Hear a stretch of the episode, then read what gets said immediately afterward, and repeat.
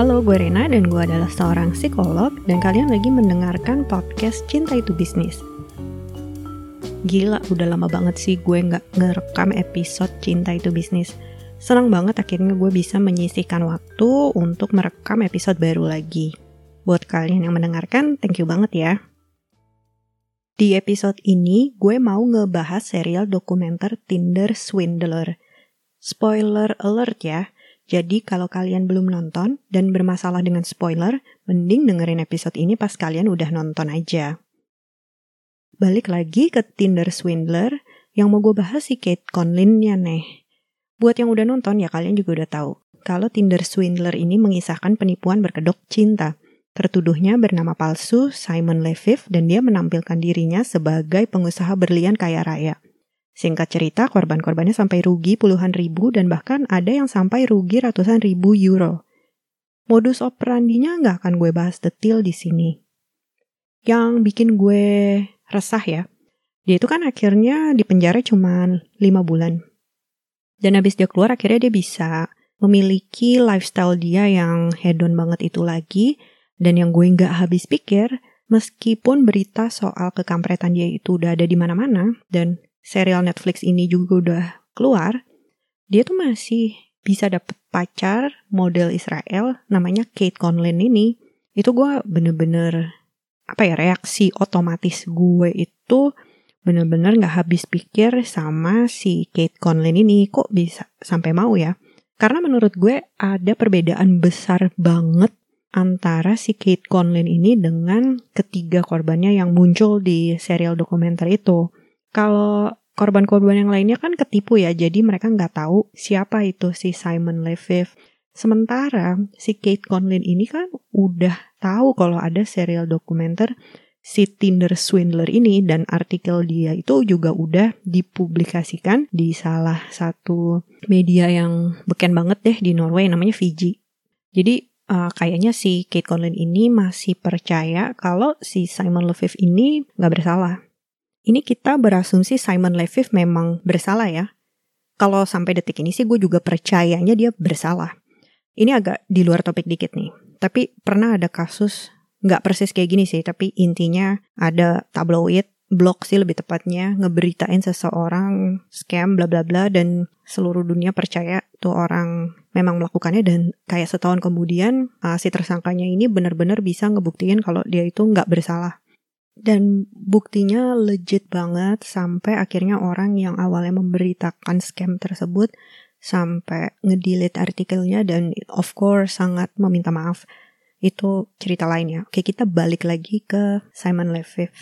Dengan anggapan dia itu memang bersalah dan udah melalui hukumannya di penjara, gue nggak ngerti sih kenapa cewek seoke sesukses Kate Conlin karena Kate Conlin ini tuh kan bukan yang gak laku ya cuy. Jadi terlepas dari si Simon Leviv itu seorang kriminal, gue aja nggak ngerti kenapa si Kate Conlin ini mau sama dia gitu. Apalagi mengetahui sejarah dia yang udah jahat ke cewek-cewek lainnya gitu. Gue tuh sebenarnya sampai punya teori kalau si Kate Conlin ini tuh diancam atau disandera atau gimana gitu. Itu tuh teori gue sih. Nah sampai saking bingungnya gue, gue kan ngepost ini di Instagram. Lalu ada nih satu temen gue yang ngebales Stockholm Syndrome beb. Dan menurut gue, hmm bener juga nih masuk akal juga. Nah itu yang mau gue bahas di sini. Apakah itu Stockholm Syndrome?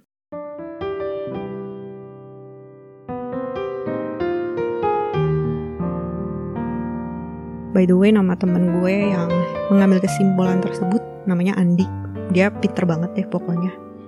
Stockholm Syndrome ini sebenarnya bukan istilah formal dalam dunia psikologi, jadi ini istilah populer. Sejarahnya dimulai dari tahun 1973 saat ada dua orang perampok bank menyandera empat orang tawanan di sebuah bank di Stockholm, Swedia.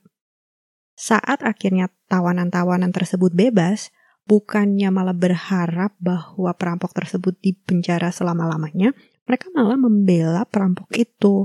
Mereka menolak untuk bersaksi dan bahkan mereka itu ngumpulin uang dan dana untuk pembelaan kasus si perampok bank itu. Akhirnya istilah ini digunakan untuk mendeskripsikan situasi di mana seorang tawanan itu akhirnya memiliki kedekatan psikologis dengan orang yang menawan mereka atau menculik mereka. Kasus-kasus Stockholm Syndrome ini udah terjadi beberapa kali meski tidak selalu ya. Dalam artian banyak banget orang yang diculik terus mereka nggak punya rasa apa-apa sama si penculiknya. Ya sebenarnya penjelasan ini tetap nyambung sih sama teori gue kalau Kate Conlin itu diancam atau ditawan atau diapain karena ya gue nggak tahu sih gue nggak tahu ada penjelasan lain atau enggak kalau kalian punya teori kalian sendiri silahkan komen-komen atau kirim DM ke Instagramnya Potluck Podcast atau Instagram gue di @ibu.rt pertanyaan berikutnya kenapa sih itu bisa terjadi dan menurut gue ini penting untuk kalian ketahui karena ini bagian ini opini gue ya. Karena menurut gue Stockholm Syndrome ini kayaknya terjadi juga deh dalam degree yang mungkin berbeda-beda dan mungkin tidak se ekstrem kasus-kasus kalau kalian benar-benar ditawan. Tapi mungkin ini bisa menjelaskan situasi-situasi di mana kalian mungkin dimanfaatkan oleh orang yang kalian taksir. Stockholm Syndrome ini sebenarnya bentuk dari coping mechanism alias sebagai bentuk dari cara seseorang mengatasi situasi yang sangat menekan ya, ya pastinya kan ngeri banget ya lu ditawan kayak gitu. Jadi teori pertama sih karena si victimnya ini akhirnya mendevelop perasaan yang positif terhadap seseorang yang menawan mereka karena hidup mereka itu kan sebenarnya bergantung juga ya kepada orang ini. Jadi pas mereka itu akhirnya dilepaskan, mereka itu berpikir bahwa perampok itu memiliki rasa compassion atau punya hati nurani gitu karena mereka nggak dibunuh.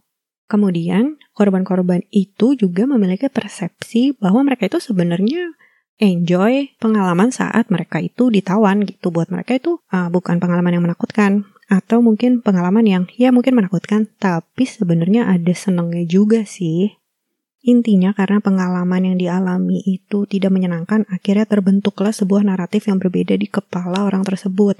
Ayo, pernah nggak kalian melakukan hal itu?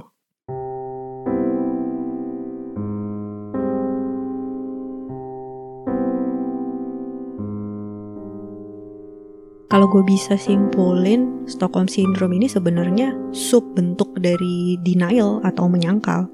Cuman si Stockholm Syndrome ini spesifik aja ke situasi antara orang yang menculik atau menyandera dengan korbannya. Tapi intinya sih denial ya. Gue rasa si Kate Conlin ini mungkin nggak bisa nerima kalau si Simon Leviv itu kampret. Dia nggak bisa nerima kalau dia mungkin adalah salah satu seorang wanita yang juga dimanfaatkan. Dia maunya naratif kalau ya Simon tuh beneran cinta sama dia. Kan dia bilang kan dia ngebelain terus. Kayak dari awal dia udah cerita kok. Buat gue tetap nggak make sense sih. Coba deh lu bayangin ada seorang cowok yang cerita kalau dia udah pernah nge-scam banyak cewek. Terus lo malah jadi sangat percaya gitu sama dia. Tapi semua pendapat gue hari ini soal Kate Conlin jangan diterima at face value ya. Maksudnya jangan ditelan bulat-bulat karena kan ya gue nggak pernah interview si Kate Conlin-nya ini kan. Jadi ya gue nggak tau lah ada kisah apa yang sebenarnya terjadi.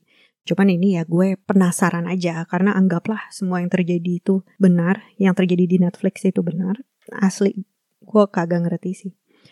Ya tapi ini mungkin mirip-mirip ya sama kalau mungkin kalian tuh naksir sama cowok yang teman-teman kalian udah pada nggak suka atau mungkin udah pada ngingetin kalau dia tuh brengsek bla bla bla bla bla cuman mungkin elunya yang nggak bisa menerima kenyataan kalau dia emang kampret akhirnya ya lu yang nggak ngerti ya. Mungkin jadinya punya naratif yang nggak masuk akal gitu. Pokoknya naratif tersebut harus selalu bertentangan dengan kemungkinan kalau si gebetan lo itu emang kampret. Karena lo nggak bisa atau belum bisa menerima kenyataan itu. Karena kenyataan itu terlalu pahit untuk diterima hati lo. Itu aja sih buat gue. Ya pesan gue sekali lagi ini gue bikin episode ini akibat keresahan gue soal Tinder swindler. Jadi kalian jangan menganggap terlalu serius soal judgement gue soal si Kate Conlin karena ya gue nggak pernah ngobrol sama si Kate Conlin dan data-data soal dia pun juga nggak mumpuni